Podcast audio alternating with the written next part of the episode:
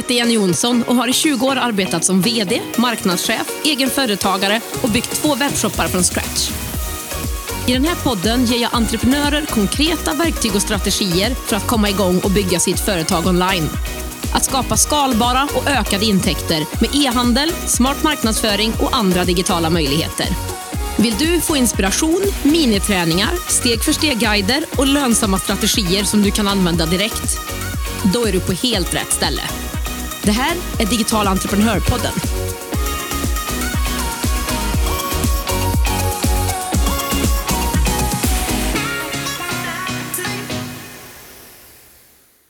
Hej och välkommen till dagens poddavsnitt. Idag har jag med mig en gäst igen och det ska bli jättekul. Många av mina tidigare gäster har ju precis startat sin webbshop och idag så blir det en helt annan vinkel. Min gäst Erika Ulvin tog 2011 över Solhem Inredning med sin bror Anders, en verksamhet som deras pappa startat redan 1982. Samma år som de tog över den här verksamheten startade de även upp en e-handel. Det familjeägda företaget har gått från en liten utställningslokal till en fysisk butik och webbshop med ett brett utbud av designmöbler och inredning i skandinavisk stil och de omsätter 15 miljoner. Så det är det som jag och Erika ska prata om idag. Att utveckla och skala upp en webbshop på ett företag inom en konkurrensutsatt bransch med fokus på kunden, men även hur man vill att ens eget företag och liv ska se ut. Det här vill du inte missa, tro mig. Men du, en sista sak innan vi börjar. Under hela oktober så har jag ett gratis Instagram bootcamp som jag köpt mitt konto Digital Entreprenör. Varje dag får du en ny konkret sak att göra för att nå ut mer och öka försäljningen i din e-handel. Så häng med på det du också. Hej Erika och varmt, varmt välkommen till Digital Entreprenörpodden. Vad härligt att ha dig här. Tack, tack. Jättekul att få vara med. Men kan vi inte bara börja med att berätta mer om vem du är och lite grann om din bakgrund? Ja, jag är inrednings och designintresserad, mamma till två barn, 13 och 16 år. Utbildad till kvartärgeolog egentligen. Då. Så tanken var att jag skulle jobba mer med grundvattenfrågor och sådana saker. Men eh, nu blev jag e-handlare istället. Ja, det var en, eh, en liten bit ifrån måste jag säga. Hur, hur kom det sig? Det var väl att jag och min bror då tog över min pappas företag 2011. Så att då körde vi igång med e-handel direkt som komplement. Sen var det ju väldigt roligt och sen så blev det liksom livssituationen blev, blev mycket bättre. Jag jobbade som miljöinspektör och pendlade till Norrtälje. Mm. Eh, så att jag tyckte inte jag fick ihop det så bra. Så att, eh, nej men det, så det blev en stor förbättring även om jag fortfarande är engagerad i sådär miljöfrågor och kanske tänker att i framtiden kanske man kan få ur sig något verk, något litterärt eller jobba lite med forskning eller någonting sånt. Ja, men just nu så måste jag ju fokusera på e-handeln. Ja, och det är ju viktigt också tänker jag med miljön i e-handel och hela den branschen behöver ju också verkligen Precis. dra sitt stå till stacken kan man säga. Verkligen, verkligen. Det känns ju som att vi tävlar mot andra som, som eh, liksom struntar helt i miljön, fast de kanske säger att de gör det så producerar de allt i Kina och, och mm. sådär. Och kunder vet inte liksom riktigt skillnad. Vi har ju mycket från Indonesien och sånt, men det är liksom ett hantverk i naturmaterial och eh, ja, det är helt enkelt jättestor skillnad. Ja, och det är inte lätt som konsument och kund att se de skillnaderna som du säger. Nej, nej så är det nog. Men om man tittar då, du och din bror Anders tog över Solhem Inredning eh, som din pappa då hade drivit. Kan du berätta mer ja. om det företaget och den resan som ja, men, kanske din pappa har gjort men även ni tills idag? Precis. Min pappa startade ju företaget tillsammans med kompisar för jättelänge sedan, 82 eh, var det. Och jag tror att de också hade väldigt kul faktiskt. Men då var det mer företagsförsäljning och agentur och mycket textil var det. Så när vi tog över då fanns det liksom en kundbas eh, och det var väl bra med det och mycket att vi jobbade mot andra butiker då sålde som agentur. Men, men sen vi startade, vi sa det direkt när vi träffades, när vi både visste att vi skulle ta över då, att, att vi måste starta en e-handel direkt då. Så att det började vi på, men det var lite vid sidan om. Men sen var det att jag tyckte att det var jättekul att jobba i, i plattformen och skriva och lägga upp och då började det styras in mer. det jag tycker är roligare då med inredning och möbler. För det möbler hade de inte sålt innan då. Mm. Ja, så, så, sen har det bara växt på sig utan, utan större ansträngning egentligen så. Men ni har en fysisk butik, plats och en e-handel då, eller? Ja, precis. Och det är väl det som är lite unikt. att Vi har både eh, butik som där jag har då kontor och sen så har vi ett lager som ligger i anslutning. Så det, eh, det funkar jättebra faktiskt. Det känns väldigt kul att vi har det så. Mm. För det känns, ja, det känns lite unikt för att de flesta andra har kanske kontor och sen så har de ett lager någon annanstans. Och det här blir ju som en gammeldags butik och det har legat på precis samma, det är precis samma lokaler. Så ibland kan det komma in någon och säga att en sån där har jag också köpt i en, en antikbutik. Och då är det så här, ja fast här har den stått hela tiden. Då. Så, det var någon kund som sa också att ja, men, det känns skönt att ni finns här för omvärlden, allting bara förändras. Men, mm. men ni, ni är ju kvar precis som vanligt. Mm. Så det, det tycker jag är lite mysigt. Det är så gamla, gamla lokaler, och, men det funkar ändå.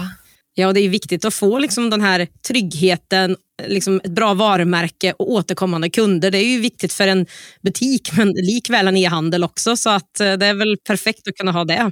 Exakt, det märks ju att våra kunder i butiken de använder ju e-handeln för att se ut precis vad de vill ha. En del beställer och väljer att hämta i butik, men en del kommer och att de har sett då saker på sidan. Så att det, är inte, det är inte så många kunder som kommer till butiken och bara liksom planlöst köper någonting, utan det är planerat innan. Så nästan alla som kommer till butiken handlar faktiskt. Så det är också en stor fördel. Ja, det är jättebra och bra att e-handeln kan hjälpa till att driva den försäljningen också. Ja, Ja, men Så spännande. då. Men ni är ett ganska stort företag. Är det bara du och din bror som gör allt det här? eller hur? Eh, precis, pappa är ju tillbaka. Han eh, gick i pension och sen så spelade han väl golf och hängde på spat ett litet tag. Och sen så blev han uttråkad så då, då kom han tillbaka och jobbade på lagret. Då. Så det är väldigt kul. Sen har vi haft, vi har tagit in hjälp, men vi försöker att hålla, vi har verkligen byggt upp så att det ska vara sådär supersmidigt i orderhantering och i rutiner och så att man verkligen inte ska behöva anställa. För tyvärr så är det ju så att, det, att ha anställda är liksom bland det dyraste man kan ha. Så att, mm. Eh, att vi försöker ju hålla det så det är bara vi då. Mm. Ja, men det är smart att ha. Det är mycket liksom automatiseringar och kopplingar mellan olika system eller mm. bara sätta upp smarta lösningar som gör Exakt. att man effektiviserar. Exakt, det får man hela tiden titta på löpande och, och, hålla sig uppdaterad när det kommer någonting nytt som bara förenklar, som när vi liksom fick till det här med att alla frakthandlingar skapas automatiskt och det blir så en enorm lättnad. Mm. Så att ju mindre arbetsbelastning då, desto fler ordrar kan vi ju hantera. Mm. Eh, liksom så här, ungefär hur stort är företaget? Hur mycket ordrar eller någon omsättning eller någonting som man kan få? någon... 15 eh, miljoner har vi i omsättning. Ja. Eh, har väl egentligen inte supermånga ordrar per dag, kanske 15-20, men då beställer ju kunder ganska många produkter på en gång. Det har väl styrt genom att lägga in att de, ja, som på frakt då. Eh, för innan vi la till det så, eh, så beställde folk massa små. Mm. Så att du beställer en, så märker man kommer tillbaka nästa dag och beställer igen och igen. Så, ja, så att det, man märker att folk liksom har varit inne flera gånger och så har de fyllt på sin kundkorg och så, så fyller de på och sen så beställer de. Mm. Hade ni typ gratis frakt och sånt förut? eller? Ja, eller väldigt lite. Ja, från början var det gratis och sen blev det lite. Nu har vi lagt på 395 för hemleverans. Mm. Jag tror nästan man skulle kunna lägga på lite till också då, kanske. Mm. Ja, vi får se. Ja, nej, men vad spännande. Jag tror att det är en resa som eh, man behöver göra om man inte har några eh, väldiga marginaler. Och för miljö och allting så tror jag att det där är ett bättre köpbeteende också och bidrar till att man inte bara beställer och beställer utan man tänker efter och så gör man en beställning istället. Ja, precis. Jo, men det är nog bra. Men jag tänkte när ni liksom kom in i företaget, så, men vad var det som gjorde att ni bestämde er för att lägga till en webbshop liksom direkt nästan. Ja, jag tror att eh, åtminstone på den tiden så var det så där, det var, det var det som gällde. Alla pratade om e-handel. Det var ju det fanns ju e-handel såklart, så det var inte nytt så, utan, men det var, det var ingen som pratade om att det skulle kunna bli tufft för e-handlare då, utan det var ju liksom det man skulle ha. Och att det här med butik och det kändes nästan lite mossigt. Mm. Men det är ju jättebra kombination. Ja, det är väl det jag kan tänka mig verkligen att det är för er. Kombinationen av det att allt finns på samma ställe för er men även för kunden. Ja, precis. Nej, men det är nog bra för alla. Det har ju lugnat ner sig lite för e-handelsbutiker och att folk har börjat komma tillbaka till fysiska butiker. Så det, det känns jättekul. Digital entreprenörpodden görs i samarbete med Ebbecart, en av Sveriges största e-handelsplattformar. Ebbecart vill ge alla möjlighet att starta och driva en grym webbshop och är den plattform jag själv använder och rekommenderar för dig som vill starta din e-handelsresa. På ebbecart.se kan du testa, bygga och till och med börja sälja i din e-handel under 30 dagar innan det kostar en enda krona. Kom igång direkt på ebbecart.se.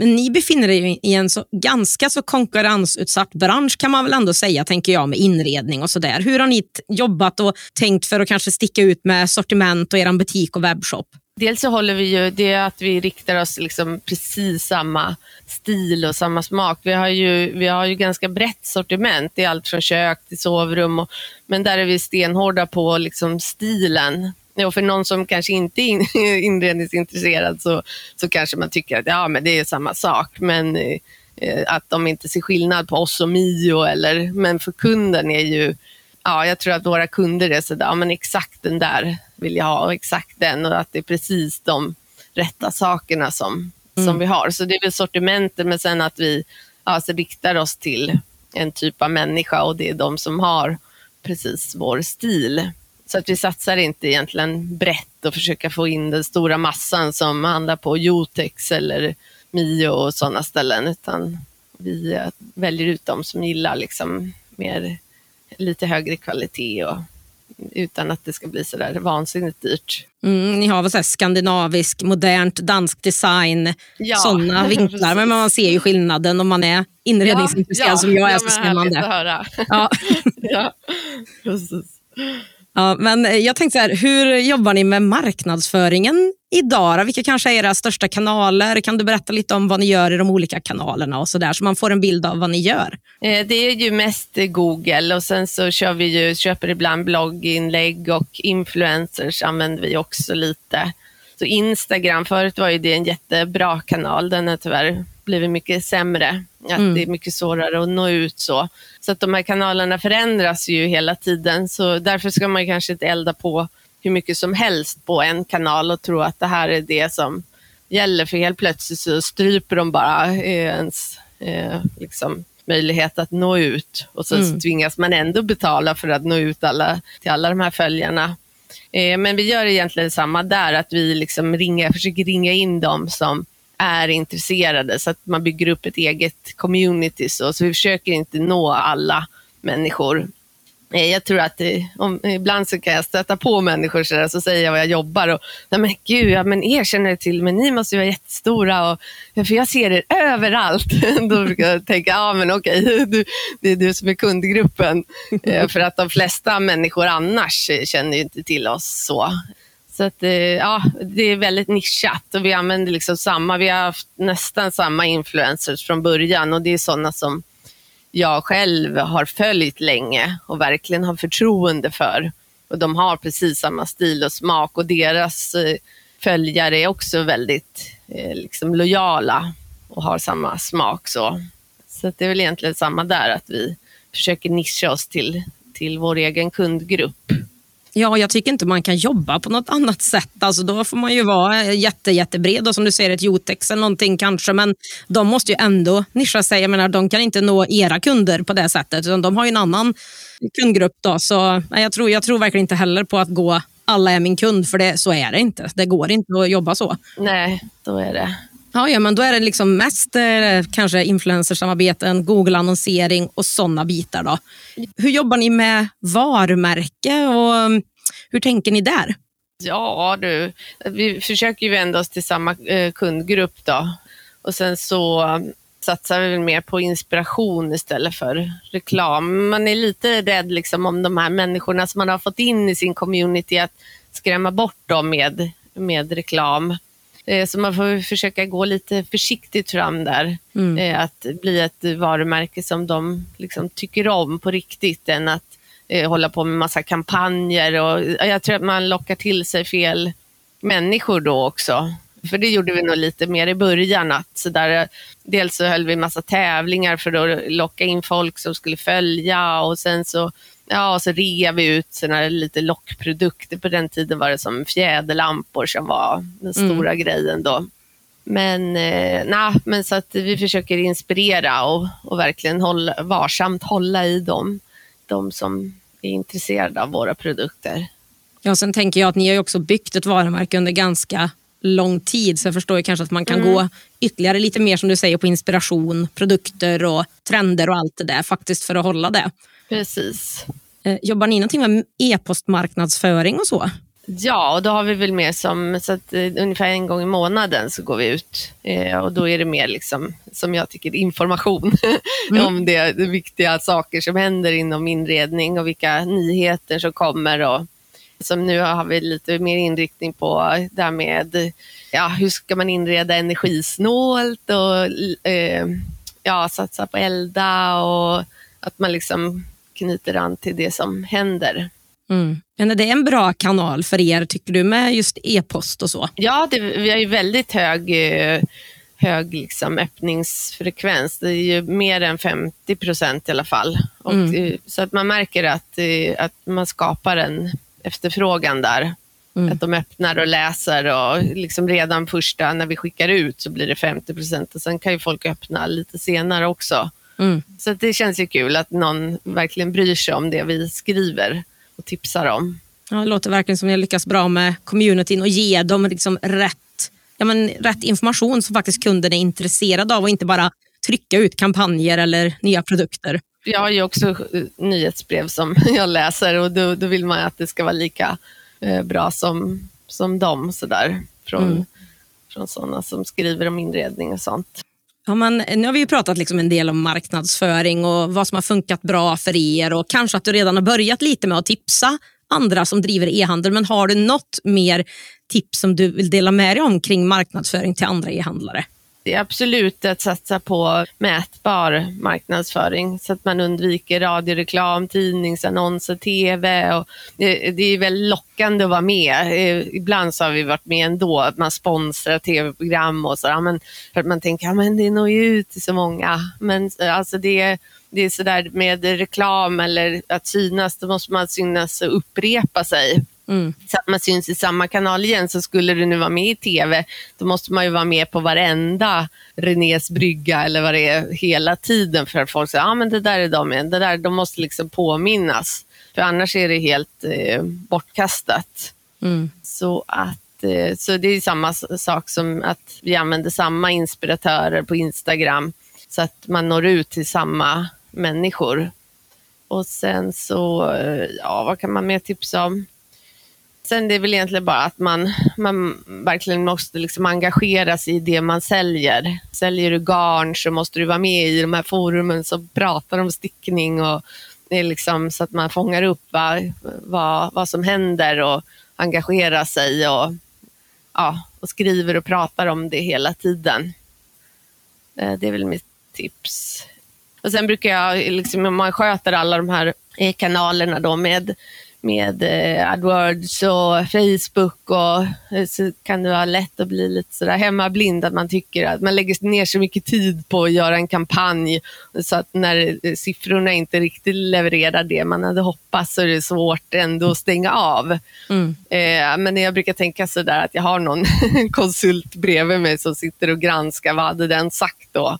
De tittar ju bara egentligen på då, de här liksom mätvärden att lönar sig inte, lönar det sig inte så måste man tyvärr stänga av för att bara liksom jobba och tänka ja det var bra att så många såg annonsen, mm. men de köpte inte. Det, det går inte ihop sig. Så man får vara väldigt kritisk tyvärr till sig själv. Så det är bara att stänga av om det och så prova hela tiden olika målgrupper och olika sätt att föra fram. Man kan göra flera kampanjer som nästan ser likadana ut och sen så slår de ändå jätteskillnad i ja, det som de drar in. Mm. Och, så det, ja, man får prova sig fram och vara försiktig och sen så kan man öka i, lägga in mer pengar på, på det som ger något. Då. Men sitter du med de här sakerna själv då, tolkar jag det som? Ja, precis. Det har jag faktiskt gjort. Och det är väl mycket för att få lite mer stimulans, att man tvingar sig att eh, läsa på och sådär. Som det är nu så, så sköter jag det. I början så var det ju mycket mer att man sådär, ja men ta in en konsult så känns det jätteskönt. Precis, det är nog mitt bästa tips faktiskt. Att ska man anlita konsulter, det är jättebra, men då kan man ta liksom per timme och bestämma redan innan. Ja, men då, då, då kör ni det här och så får ni fem timmar och ni tar så här mycket per timme. Mm. Ja, det är som ett paketpris då, än, än att så man aldrig binder upp sig på något himla långsiktigt. Det är jättemånga som jobbar som konsulter och de flesta vill ju bara fakturera tyvärr. Mm. Ja, nej, och den är ju inte rolig, den varianten att man binder upp sig på 20 000 i månaden. Och så, det måste ju som du säger ge tillbaka där det, ja. där det minst, alltså minst, minst, minst gånger, eh, ett antal gånger pengarna för att det ska ge sig. Annars är det bättre att göra något annat. Ja, och oftast kanske det är bra i, precis i början när de precis har dragit in, om de la lika mycket på själva arbetet att utföra det som de la på att sälja in det till en, då skulle det vara toppen. Men utan det är ju först en insäljningsfas och sen gör de lite jobb, man tycker att var bra och sen så bara dör det. Eh, så att, ja, det är inte att rekommendera. Tyvärr. Ja, det är väl bra liksom att verkligen kunna och förstå själv också, om man nu ska använda någon annan, att vara en mycket duktigare kravställare än att bara överlämna allt ansvar till någon annan. Ja, exakt. Det är väl så egentligen. Men det är lite synd, för annars kan man tänka sig om man ja, gör andra saker, inte vet jag, man renoverar eller man tar in någon, då, då betalar ju personen för deras kunskap. Men ett tag gjorde jag faktiskt så att jag anlitade en konsult för AdWords. Sen hade jag en annan konsult som jag litade på sen tidigare som fick en, liksom, ja, någon timme i veckan för att kolla det den andra konsulten gjorde. Eh, så kan man ju göra också i sådana fall om man inte har kompetens själv att eh, se vad, vad de gör. Mm, ja, absolut. Och sen, ja, det är ju tråkigt liksom att jobba om man behöver också titta och se. Så att, eh, då vill man ju verkligen, om man ska göra det, tänker jag utifrån dina lärdomar, där, ta in någon som ja, men, levererar ett bra resultat och som man kan lita på. Eh, och annars kanske man också kan titta på att göra det själv. Exakt. Det är nog bland det svåraste i branschen i och med att det är så otroligt många. De flesta är ju gamla e-handlare själv som sådär, nej men jag satsar på att bli konsult och så ska de bygga upp ett stort bolag och sen så tar de in mer kunder än vad de hinner hantera. Mm. Det var någon, han är jättekänd inom SEO, jag anlitade honom gjorde han då en bedömning eller en analys på vår butik och det var ju riktigt uselt. Och på den tiden så var jag sådär så att jag fick en faktura så betalade jag snällt. Så. Mm. Men sen efter den så, så, så, så, när jag sa att jag var supermissnöjd så sa han också att ja, men alltså det kan du verkligen lära dig att är du inte nöjd med något så ska du inte betala fakturan. och det har jag verkligen tagit till mig att jag inte betalar någonting om det är uselt. Utan, mm. Ja, så det var ju bra. Det fick jag ju den lärdomen i alla fall. Ja, det blev väl en lite dyrköpt läxa kanske, men ibland så måste man ju ja. bara lära sig saker och ta sig framåt. Nu ja, har du hittat en väg som funkar för dig och det är väl perfekt. Ja. Ja, men om vi fortsätter dyka in lite i det här med själva e-handeln och webbshoppen som ni har. Den är mm. så snygg tycker ja, jag. Ja, eh, jag undrar bara, vilken plattform är den byggd i? Eh, det är Abicart. Det är väl den största plattformen tror jag i Sverige.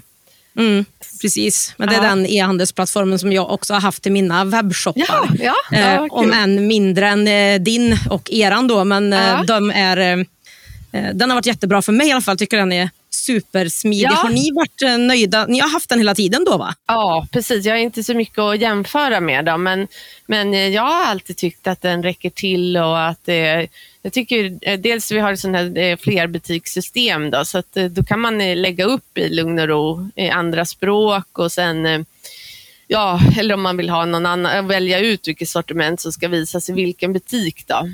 Så jag har ju förberett som en engelsk butik om vi skulle känna att vi ville expandera. Sen så är den väldigt mysig att jobba i. Jag tror att det egentligen, hade den inte varit trevlig att jobba i, då tror jag inte att vi hade ens haft en e-handel nu. För det var inte så där att vi måste ha en e-handel, utan vi sa ja, vi startar en e-handel. Sen var det jag som tyckte att det var så trevligt att eh, jobba i den. Så att, och det tycker jag fortfarande, att får jag lite liksom, tid för mig själv hemma eller vad som helst, då sätter jag mig direkt då, och fnular med den. Eh, Men jag håller med, jag gillar också verkligen att jobba i den. Det är enkelt att Ja. förstå och det är, liksom, ja, det är avancerat det är eh, kodknackning utan lägg upp, skriv, fyll i, klart. Ja, men precis. Skriva och lägga in bilder och dona och filmer och ja, eh, allt sånt. Och sen lägger jag gärna in lite nästan som blogg också, och liksom bland artiklarna så att det blir bra SEO på, på sidan och att det är, ja, det är inte bara produkter utan information också.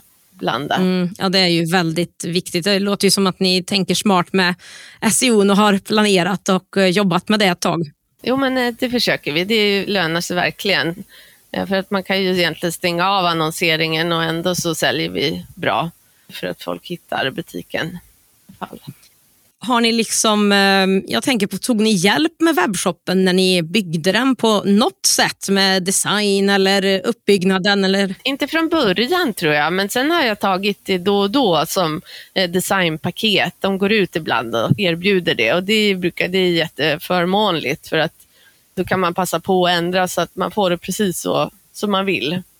Så det har varit eh, jättekul faktiskt. Så att, ja, nej, men vi har verkligen fått bra hjälp där. Ja, den är jätte, jättefin. Så vi kommer ju såklart att prata om eh, adressen och allting eh, inom kort. här. Så ni, och jag, kommer länka till den under poddavsnittet och så där så att du lätt kan klicka in där. Men det är solheminredning.se. Om man nu inte orkar vänta eh, så tänker jag så kan man gå in och kika lite där.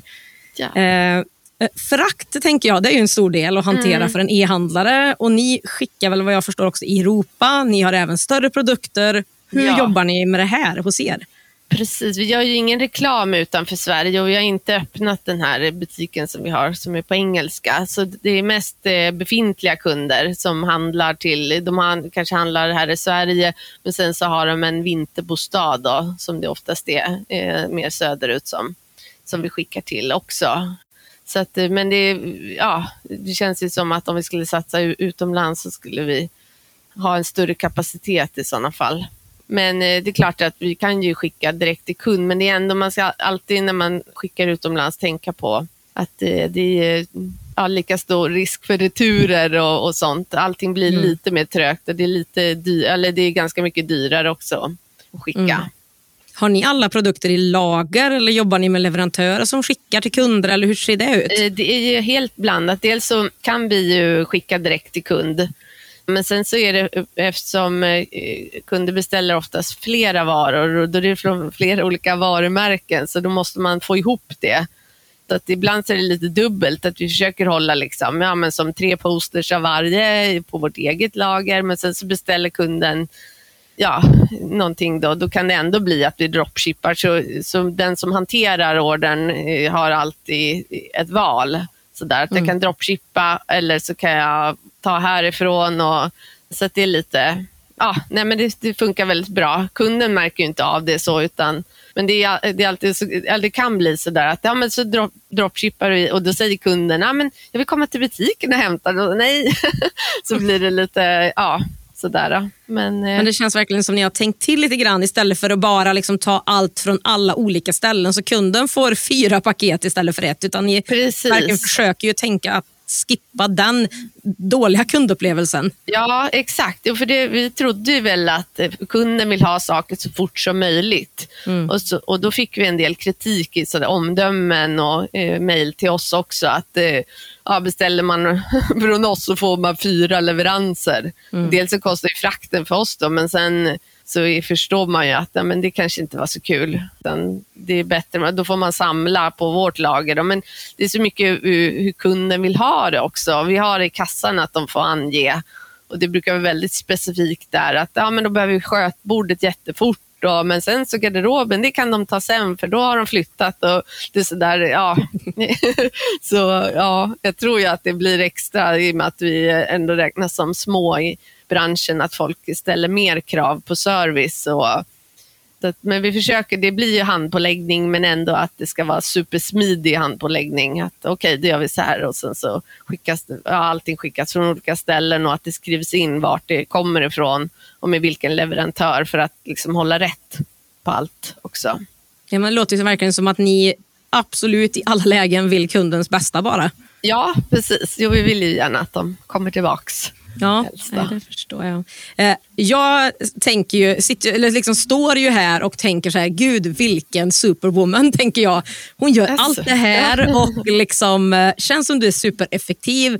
Hur jobbar du med liksom, att strukturera din egen tid och planering? och fokusera på att göra rätt saker. Liksom. Jag försöker jobba verkligen strukturerat och lugnt. Eh, oftast så händer ju tyvärr allting samtidigt. Att helt plötsligt kommer det massor med kunder till lagret och så kommer det tre långtradare och sen så att det blir sådär, men att man liksom behåller lugnet och vet att det kommer ges en lugn tid snart när man kan fokusera igen på det man höll på med.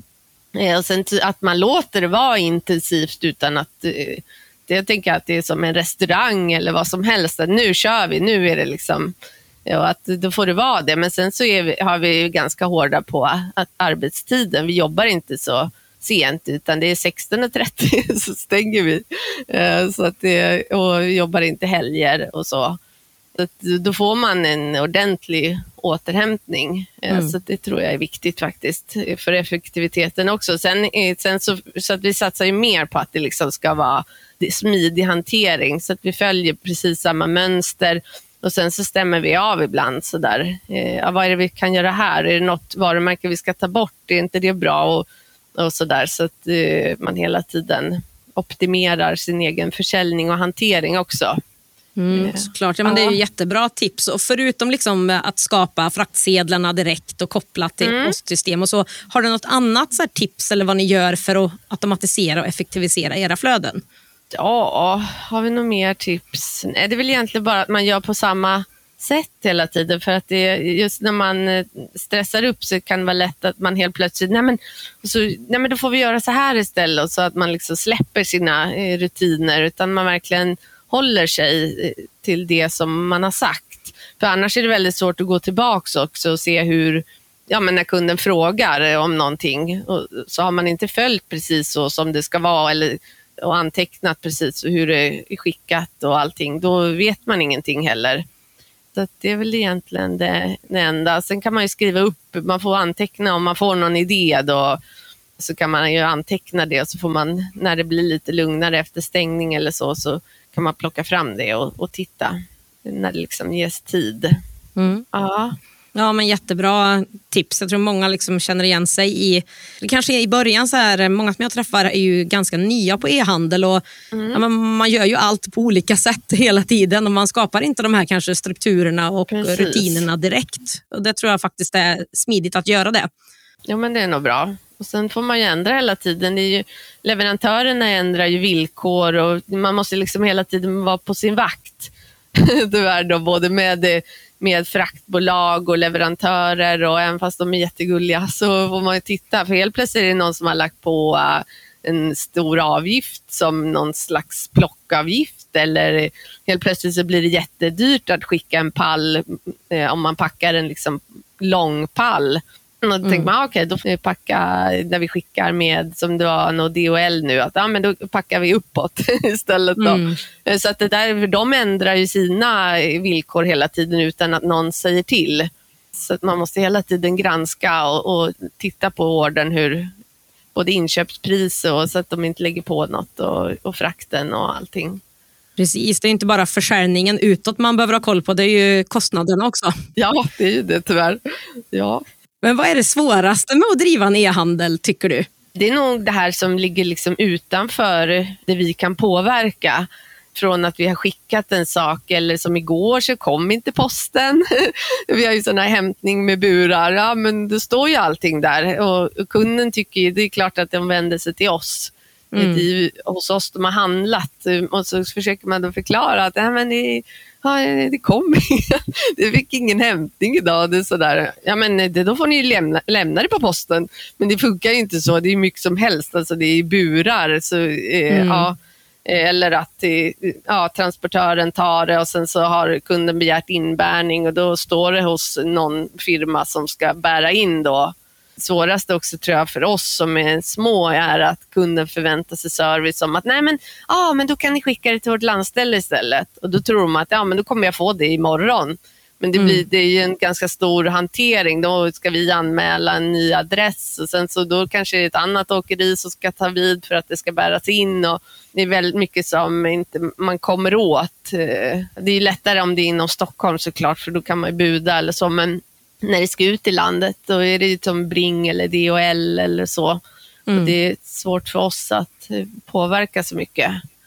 Ja, nej, det förstår jag. Vad tycker du är bäst med att driva en e-handel då? Eh, det är sortimentet, eh, alltså produkter och, och sådär. Det tycker jag är superkul. Jag blir jätte, jätteglad så fort det kommer ut nya fina saker och, och sen att man eh, kan då liksom få sitta och lägga in i, i butiken jag brukar tänka att man får inte köpa in något förrän det ligger på sidan. Så att man blir väldigt så ah, det där måste vi ha i butiken och då måste man lägga in det först. Då. Så ibland så funkar det jättebra att liksom bara importera. Just det, det kan man ju ha som tips till, till de som vill effektivisera också, att man kan importera hela sortimentet. Men det beror ju jättemycket på hur det ser ut ifrån leverantörens sida. Tyvärr är det ofta de som, har, som liksom tillverkar småskala i massivt trä på snickeri, de har ju inte heller gjort någon sån här riktigt masterfil som man bara kan tanka in. Utan, mm. men, men en del har ju det och det underlättar ju enormt. faktiskt. Det är både bilder och allting då. Sen kan man ju gå in och peta själv också och lägga sin, sina texter på. Men ja, nej, men det, är, det är väldigt kul tycker jag. Men vad har du för eh, tips till den som driver sin webbshop och ja, men, som ni alltså har skalat upp, nå ut, sälja mer? Vad är dina bästa tips där? Det är väl att känna sina kunder då. Liksom, och sen hantera dem ut efter vilken kund det är och att ha riktigt bra produkter. Som man tänker det här hur vi vårdar våra kunder, kundvård då vad, vad, då kan man ju utgå från sig själv. Hur vill jag? Men jag vill ha produktinformation, inspiration, jag vill ha bra service när jag beställer. Medan kanske någon annan, ett annat sortiment, annan butik, de, deras kunder kanske vill ha jätteofta utskick och de vill ha information om när det är billigt. Det är kanske är det som den kunden vill, vill veta. Alltså man måste känna sin, sin kund. Det är väl det bästa. Mm. Så att man formar liksom både leveranser och sin sida efter sin kund. Så att vi har inga sådana här pop-up eh, rutor på vår sida med, med en massa reklam om prissänkningar och sånt. Då, för att jag tror inte att våra kunder tycker om det. Nej, men det är ju Ja, det är ju så viktigt och jag tror många glömmer verkligen att göra det här jobbet. Men har man det mm. så blir ju allting så mycket enklare. Man vet ju som du säger, vi vet att de vill ha den här typen av leverans. Vi vet att vi når dem på det här sättet. Alltså, allting blir så mycket enklare. Marknadsföring blir billigare, allting. Ja, precis. Så är det verkligen. Ja, men eh, jag fortsätter och frågar om dina bästa tips för att ta hand om sina kunder och få dem att återkomma flera gånger och komma tillbaka. Mm det är väl egentligen bara att uh, försöka synas i kanalerna där, där de är, där kunden är. Så att uh, ja, man försöker finnas där, där kunden finns helt enkelt och vara engagerad i ämnet vad du än, vad du än säljer.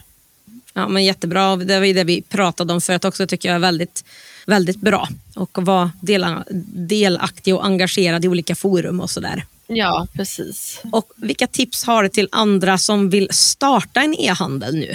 Det är väl egentligen bara att man sätter igång med det. För att det finns ju sådär i, i alla fall i Abicart-plattformen då, att det bara att starta ett gratiskonto. Sen kan man ju sitta och pilla med det och sen när det väl liksom är på plats så, så, så öppna bara utan att göra reklam. Och sen kommer de första ordrarna och sen när du märker vad som funkar och då kan man ju börja annonsera också. Eh, lite försiktigt och sen så höjer man mer och mer. Då. Så till en början kan man ju bara annonsera liksom gratis. Man använder kanske sitt eget Instagramkonto och, och sina vänner tipsar och, eh, och, ja, så tror jag att man har en bra grund. Mm. Och då ser man redan från början vad det som inte ens ens vänner intresserade eller de med samma intressen intresserade av de här produkterna som man har lagt upp. Då behöver man inte heller annonsera på dem. Nej. Digital entreprenörpodden görs i samarbete med Payson. Betallösningen som hjälper dig som företagare att säkert ta betalt på nätet. Oavsett om du är nystartad eller har varit igång ett tag. Efter att själv ha testat andra betallösningar vet jag att Payson är ett givet val för mig för min nästa webbshop.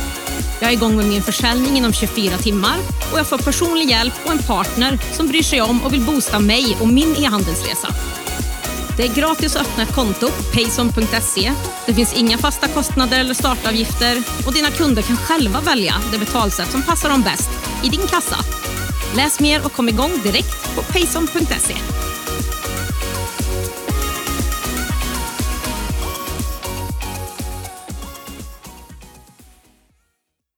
Innan vi då avslutar så skulle jag vilja fråga lite vilka planer ni har framåt för företaget och webbshoppen.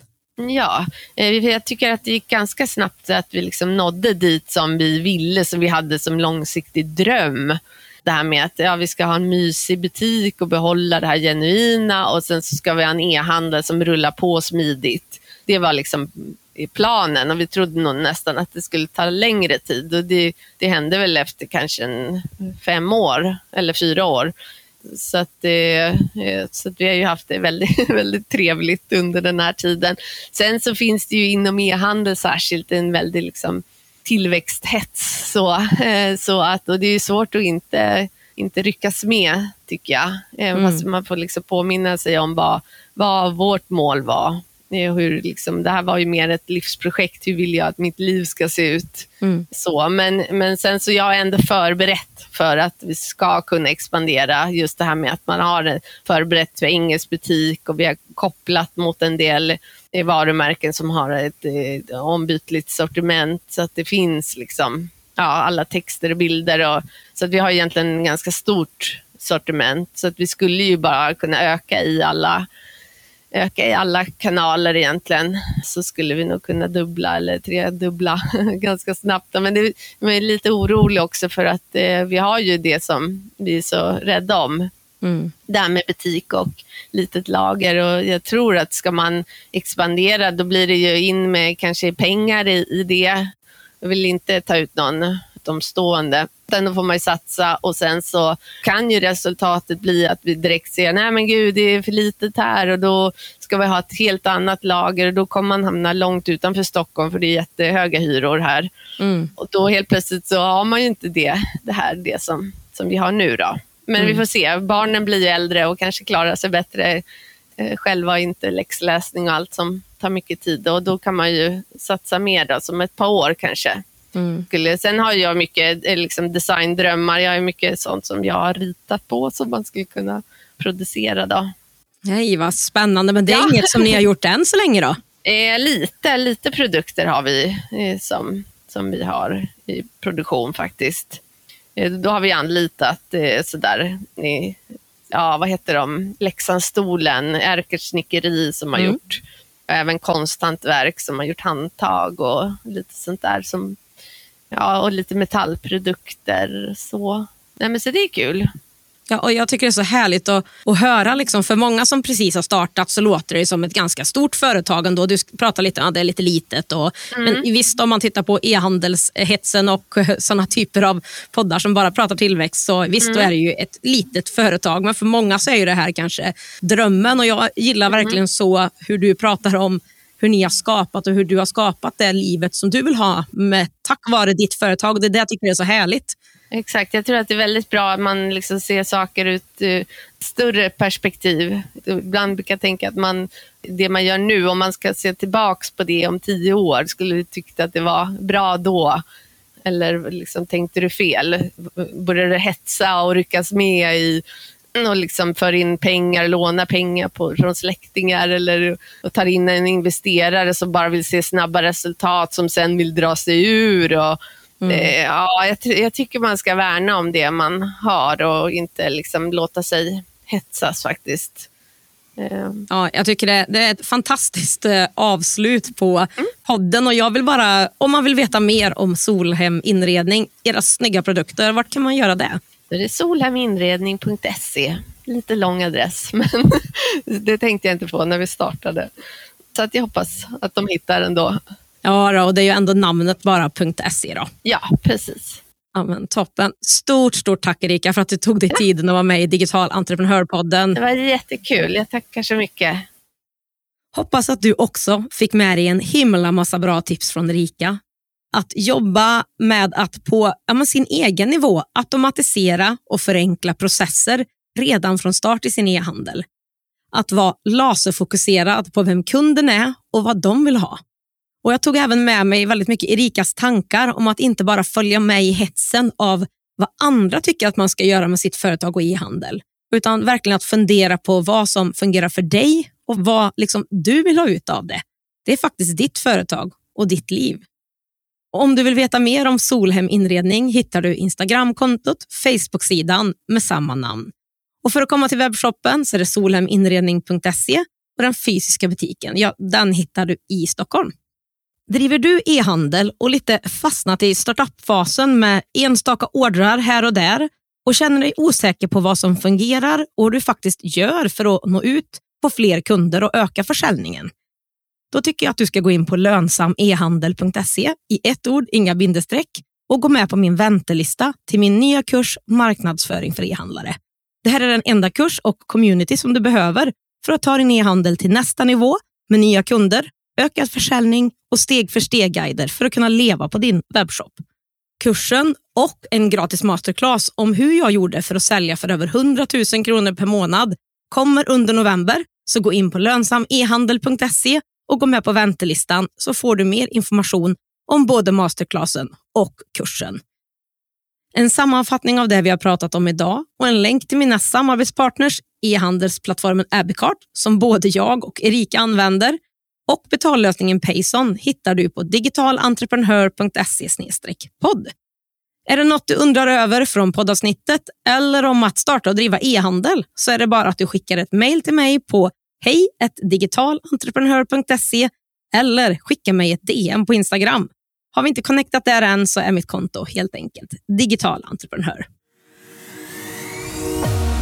I nästa avsnitt är det du och jag igen och då ska vi prata om hur du får dina första 10 000 kronor i försäljning i din e-handel utan en enda krona i marknadsföring. Vi hörs då!